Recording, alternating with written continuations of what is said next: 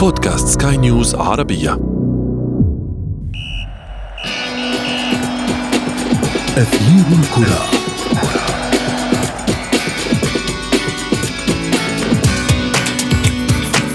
حرب الكبار تشتعل بطعم السوبر. ملحمة كروية فنية ينتظرها الجميع من المحيط إلى الخليج. صافرة الحكم تنطلق بعد ساعات للإعلان عن مباراة جديدة بحجم بطولة.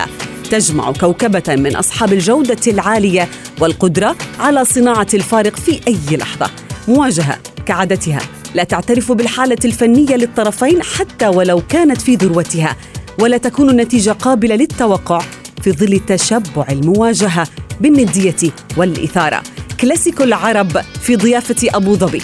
الفرسان الحمر في وجه البيض. وفي محور حديثنا لليوم من أثير الكرة معي أنا شذى حداد والانطلاقة من العناوين. السوبر المصري يحمل طموح الأهلي لإكمال الدستة على مسرح الانتصارات في العاصمة الإماراتية أبو ظبي.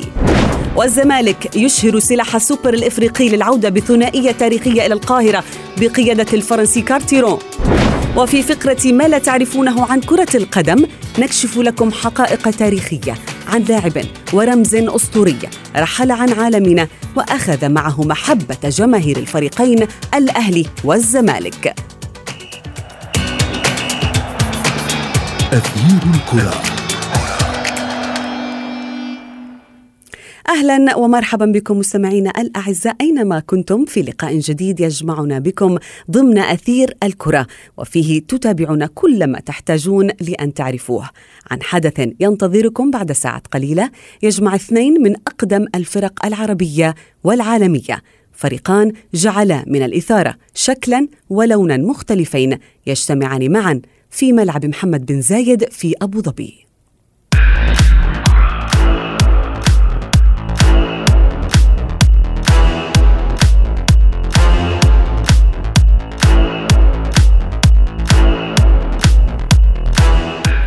القمة المصرية المرتقبة بين الأهلي بطل الدوري والزمالك بطل الكأس. للمنافسة على كأس السوبر المصري في نسخة 17 هذه المباراة تحظى دائما باهتمام إعلامي وجماهيري كبير لكونها بطولة خاصة بين قطبين مصريين وبسبب أيضا حالة الفريقين العالية هذا الموسم قبل قمة اليوم. المزيد عن هذه المباراة المرتقبة نتعرف عليه في التقرير التالي للزميل محمد عبد السلام. ديربي القاهرة مباراة القمة أو كلاسيكو العرب كما يطلق عليه يعد بطولة في حد ذاته. مباراة خارج التوقعات تجمع ناديي الزمالك والأهلي على استاد الشيخ محمد بن زايد في العاصمة الإماراتية أبو ظبي على كأس السوبر المصري. مواجهة ينتظرها الملايين من عشاق كرة القدم في مصر والوطن العربي تحمل الكثير من المتعة والإثارة.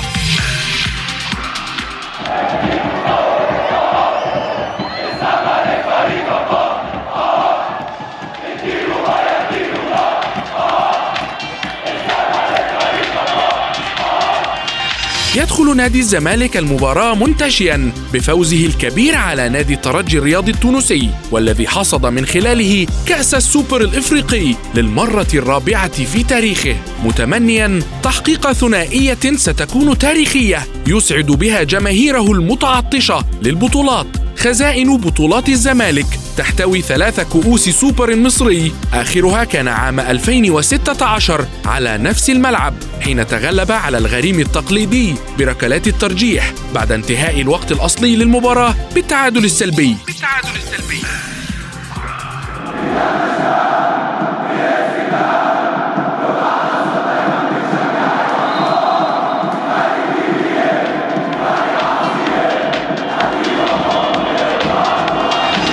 النادي الأهلي. فيدخل هذه المباراة طامحا الاستمرار في سلسلة لا هزيمة محليا حيث حقق الفريق العلامة الكاملة في مبارياته في الدوري المصري الممتاز متربعا على قمته منفردا مقتربا من كسر رقمه القياسي السابق في عدد مرات الفوز المتتالي والتي كانت في فترة المدرب البرتغالي مانويل جوزيه. الأهلي يحمل الرقم القياسي أيضا في عدد مرات الفوز بكأس السوبر المصري حيث حققها من قبل في 11 مناسبة ويدخل هذه المباراة متمنيا إكمال دستته منها. قمة مصرية جديدة على أرض الإمارات تحمل العديد من الأمنيات للكبيرين المصريين فمن منهما سيحققها.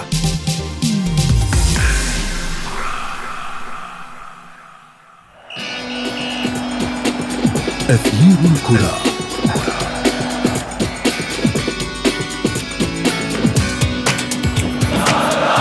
بكم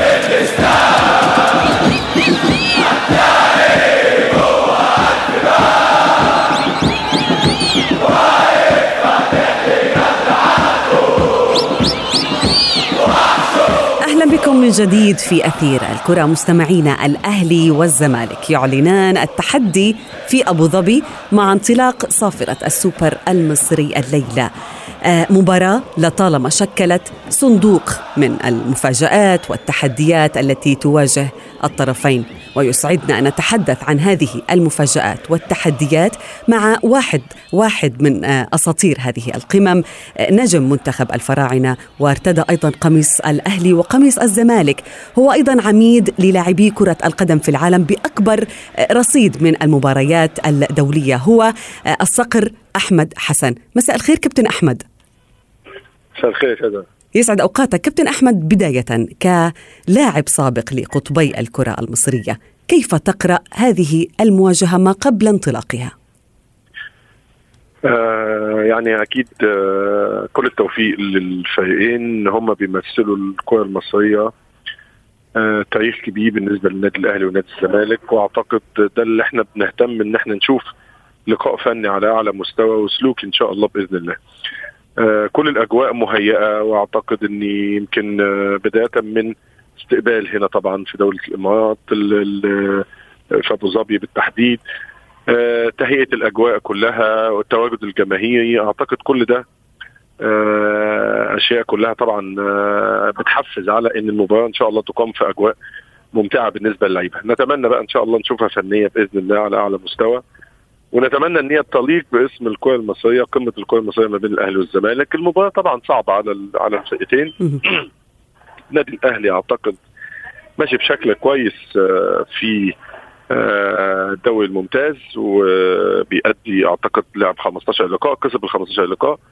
عنده حظوظ كبيرة طبعا ولكن يمكن نادي الزمالك مش ماشي بنفس الشكل في الدوري الممتاز ولكن أعتقد ان آه، ظهور نادي الزمالك بالشكل القوي والأداء القوي اللي ظهر به في لقاء السوبر الافريقي آه، أمام الترجي التونسي. أعتقد ادى جرس انذار لأ إن إحنا مش الموضوع صعب على آه، النادي الأهلي. وفنيا تقدريش تقولي مين الأفضل لأن الاثنين ظهروا بشكل كويس. وأعتقد إن المباراة صعبة على الفريقين والاثنين بيسعوا.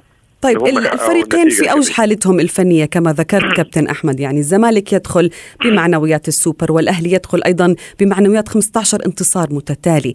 آه، هذه المباراة صعب جدا إنه الواحد يتوقع نتيجتها ولكن بحكم معرفتك بالطرفين جيدا أي منهما الأقرب لتحقيق إنجاز في اليوم الحالي نظرا أو استنادا إلى ما قدماه في عام 2019 هو بعيدا عن المستوى شاذة كمان آه هو مباريات الأهلي والزمالك دايما عادة بتبقى خارج التوقعات حتى لو في فريق أفضل من صحيح. فريق فنيا.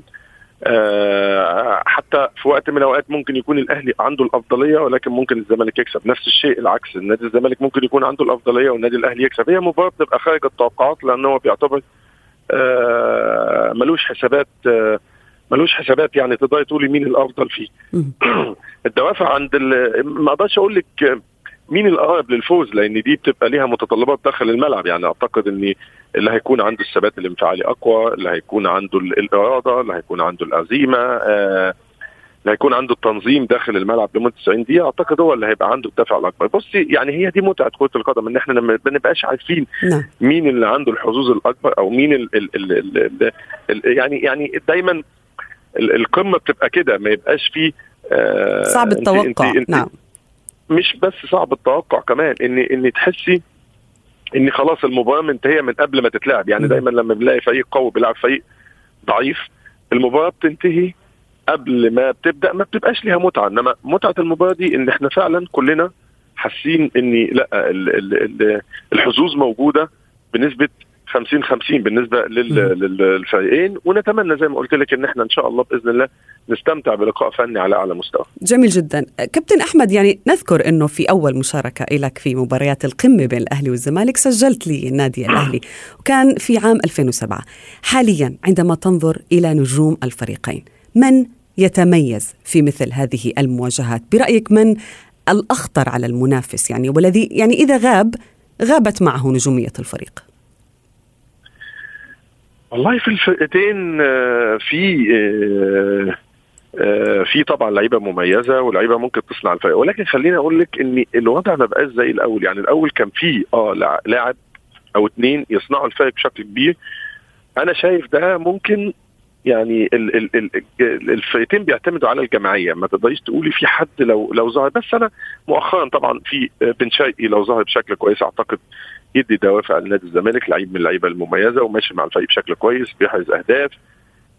الناحية الثانية ممكن آه، نتكلم على في اجاييه آه، لما بيظهر بشكل كويس آه، في قفشة كمان ظهر بشكل كويس دلوقتي المنضم حديثا للنادي الأهلي آه، آه، يعني خليني أقول لك اني إني مش مش مش مش واحدة أو اثنين هم هم كثر هم هم بالفعل كوكبة من النجوم كابتن أحمد بالفعل. بالضبط يعني أنا أنا أنا شايف ان في الوقت الحالي سواء أهلي سواء زمالك أعتقد إن هم الجماعية هي اللي بتفرض نفسها مش اللاعب هو إن في لاعب هيفرق مع الفريق بشكل مميز. ولكن في لعيبة طبعا ممكن تبقى بتظهر بشكل أفضل أو بتدي بتساعد الفريق إن هو يظهر بشكل كويس. إنما كان نقدر نقول إن في حد يفرق عن يعني هو اللي يدي الأولوية لفرقته ما- لا أنا شايف إن الجماعيه هي اللي بتفرض نفسها. طيب كابتن أحمد يعني أهلي آه، آه، فايلر حاليا مختلف عن أهلي كارتيرون. يعني مثلا آه، الأهلي عزز آه، صفوفه بعدد كبير من ال- النجوم.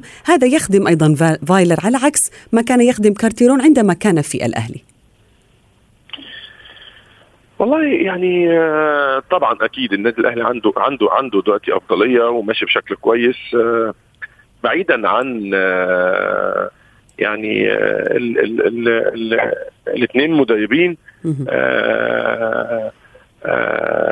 يعني. والمقارنة ما بينهم ولكن خليني أقول لك إن ده ده عنده مجموعة لعيبة كويسة ومميزة وده عنده مجموعة لعيبة كويسة ومميزة إنما هو الموضوع كله في التطبيق والتنفيذ داخل الملعب وأنا شايف يمكن لو إحنا بنتكلم قبل لقاء الترجي لو انت بتكلميني قبل لقاء الترجي كنت ممكن أقول لك إني أنا آه، أتحدث عن الأهلي عندما كان في قيادة آه، كارتيرون وأهلي فايلر الحالي يعني أنا أنا أنا فاهم أنا. فاهم ما يعني يعني هي بتبقى في وقت من الأوقات ممكن التوفيق من عدم ولكن أنا شايف إن كارتيرون مع النادي الأهلي ما كانش موفق بالشكل الأكبر ممكن طبعا ما عندوش التدعيمات زي ما أنت قلتي.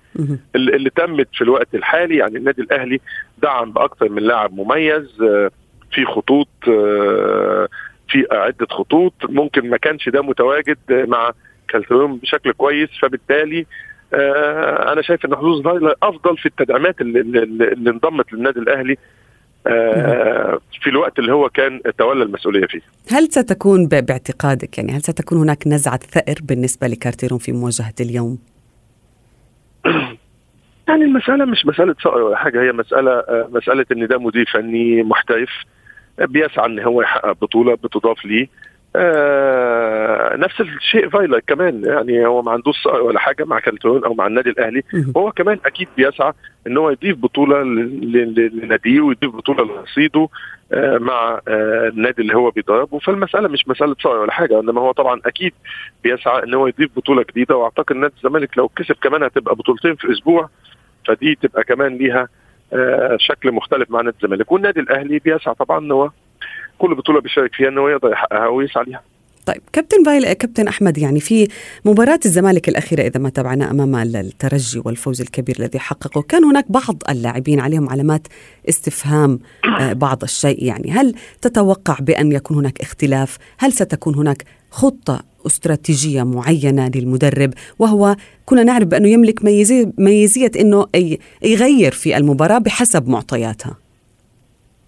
لا يعني حددي لي طيب بالتفصيل أكثر يعني هل سيختلف لا، الزمالك لا، في مباراة مش اليوم؟ مش قصدي حددي لي مين اللعيبة اللي كان عليهم علامات استفهام عشان أقدر أجاوبك على السؤال. فرجاني ساسي مثلا حازم إمام يعني طريقة قطع الكرة بالنسبة لحازم إمام في هذه المباراة يعني يعني كان كان عليه بعض علامات الاستفهام. برأي المحللين والنقاد أنا أتحدث كمحللة كرة قدم أو ك- كصحفية إذا أردت ال- تمام. نعم. يعني كل مباراة بتبقى ليها ظروفها وكل مباراة ليها طبعها يعني الأسبوع اللي فات أكيد مش لازم نحكم على اللقاء اللي فات على سواء فريقاني ساسي فريقاني ساسي لعيب مهم في نادي الزمالك ولما بيبقى آه، يعني مركز بشكل كويس أعتقد بيصنع فارق مع نادي الزمالك. آه، حازم يمكن آه طبعا شوية بقاله فترة طويلة إصابات والكلام ده كده ولكن آه في لعيبة كمان تانية موجودين أنا شايف إن نادي الزمالك لا أدى بشكل كويس نادي الزمالك عنده الخط الأمامي خط قوي جدا جدا جدا عنده كمان لاعب مدافع نص ملعب وسط ملعب طارق حامد أعتقد إن هو. بقى من أفضل اللعيبة دلوقتي موجودين في مصر ك كلاعب وسط مدافع. فمش معنى إني إني إني ممكن حازم وساسي مثلا بعاد عن مستواهم في اللقاء الماضي يبقى ده هيأثر عليهم في اللقاء ده لا هم ممكن يجيدوا في اللقاء ده ويأدوا نعم. بشكل كويس ممكن نعم. تركيزهم يزيد وبالعكس يكونوا نقطة تحول لنادي الزمالك ف فمش مقياس خالص إن ممكن لاعب يظهر في المباراه بشكل مش جيد اني اني اني ان لأن فريق أساسي لعيب مهم بالنسبة لنادي الزمالك وأعتقد حازم كمان لأن بديل حازم مش موجود في نادي الزمالك في الوقت. الحالي يعني. يعني بديل حازم لاعب ناشئ وأعتقد إن صعب الدفاع بلاعب ناشئ في مباراة زي دي في فيها حضور جماهيري ومباراة قمة بتبقى صعبة شوية إن هو يجازف بلاعب آه، ناشئ يعني في مباراة زي كده. نعم. آه، كابتن أحمد يعني دائما المواجهات ال- أو الاستحقاقات الخارجية تلعب دورها في المباريات ال- المحلية ولكن آه، مباراة القمة بالسوبر هي مختلفة. ولكن هل المواجهات ال- الإفريقية المقبلة للأهلي والزمالك ستؤثر على مجريات قمة اليوم خاصة بأنه هذه المواجهات المقبلة في إفريقيا ستكون قوية بالنسبة للأهلي والزمالك الأهلي سيلعب مع سان داونز الجنوب إفريقي والزمالك سيلعب الترجي التونس التونسي مرة أخرى يعني خليني أقول لك إن فريق ال- ال- البطل أو اللي بيقدر يحقق بطولة هو آه هو آه لازم يعني يركز في البطولة الحالية وبعد البطولة خلاص آه.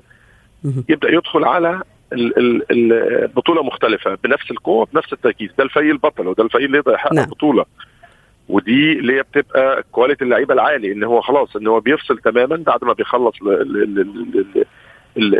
بعد ما بيخلص المباراة اللي هي مباراة بطولة اللي هي مباراة السوبر بيبدأ يفكر في المباراة الأفريقية لأن دي بطولة تانية كمان بالنسبة له فلازم يشتغل بنفس الشكل وبنفس القوة وبنفس التركيز. آه، دايما يعني ممكن نقول الكلام ده على على فرق ما خاضتش التجارب دي. ولكن لعيبة النادي الأهلي ولعيبة النادي الزمالك أعتقد إن هم خاضوا التجارب دي. النادي. نادي الزمالك لسه مخلص بطولة مهمة. النهارده بيستعد بشكل قوي برضه عشان يلعب تاني قدام النادي الأهلي بشكل قوي. الاثنين هيخل... الاثنين أعتقد هيخلصوا اللقاء الفايز. وحتى اللي هيخسر الاثنين لازم يجهزوا بشكل كويس. لأن زي ما أنت قلتي عندهم مباراتين صعبين جدا. النادي الأهلي ضد سان داونز وأعتقد آه، إن النادي الأهلي آه، ذاكرة لجماهير ولاعيبي النادي الأهلي. ثأرية طبعاً يعني. مؤلمة. بالظبط آه ذاكره مؤلمة.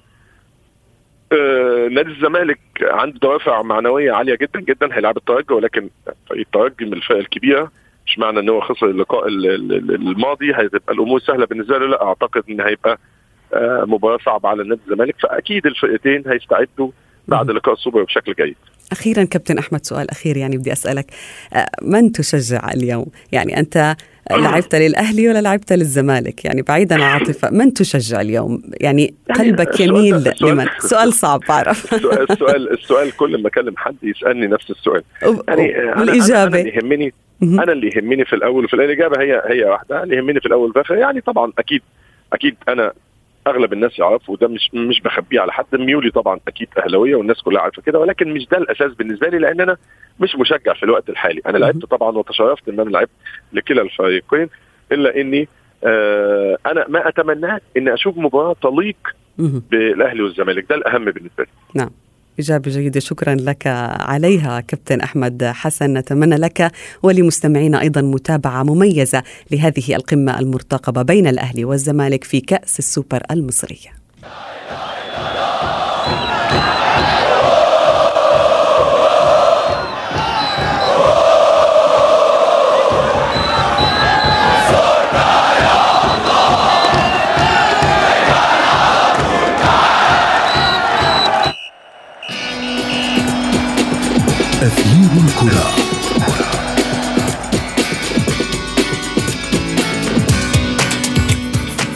فقرة ما لا تعرفونه عن كرة القدم نتحدث اليوم عن لاعب اجتمع على حبه جماهير الأهلي والزمالك رغم أنه لعب في القلعة البيضاء فقط.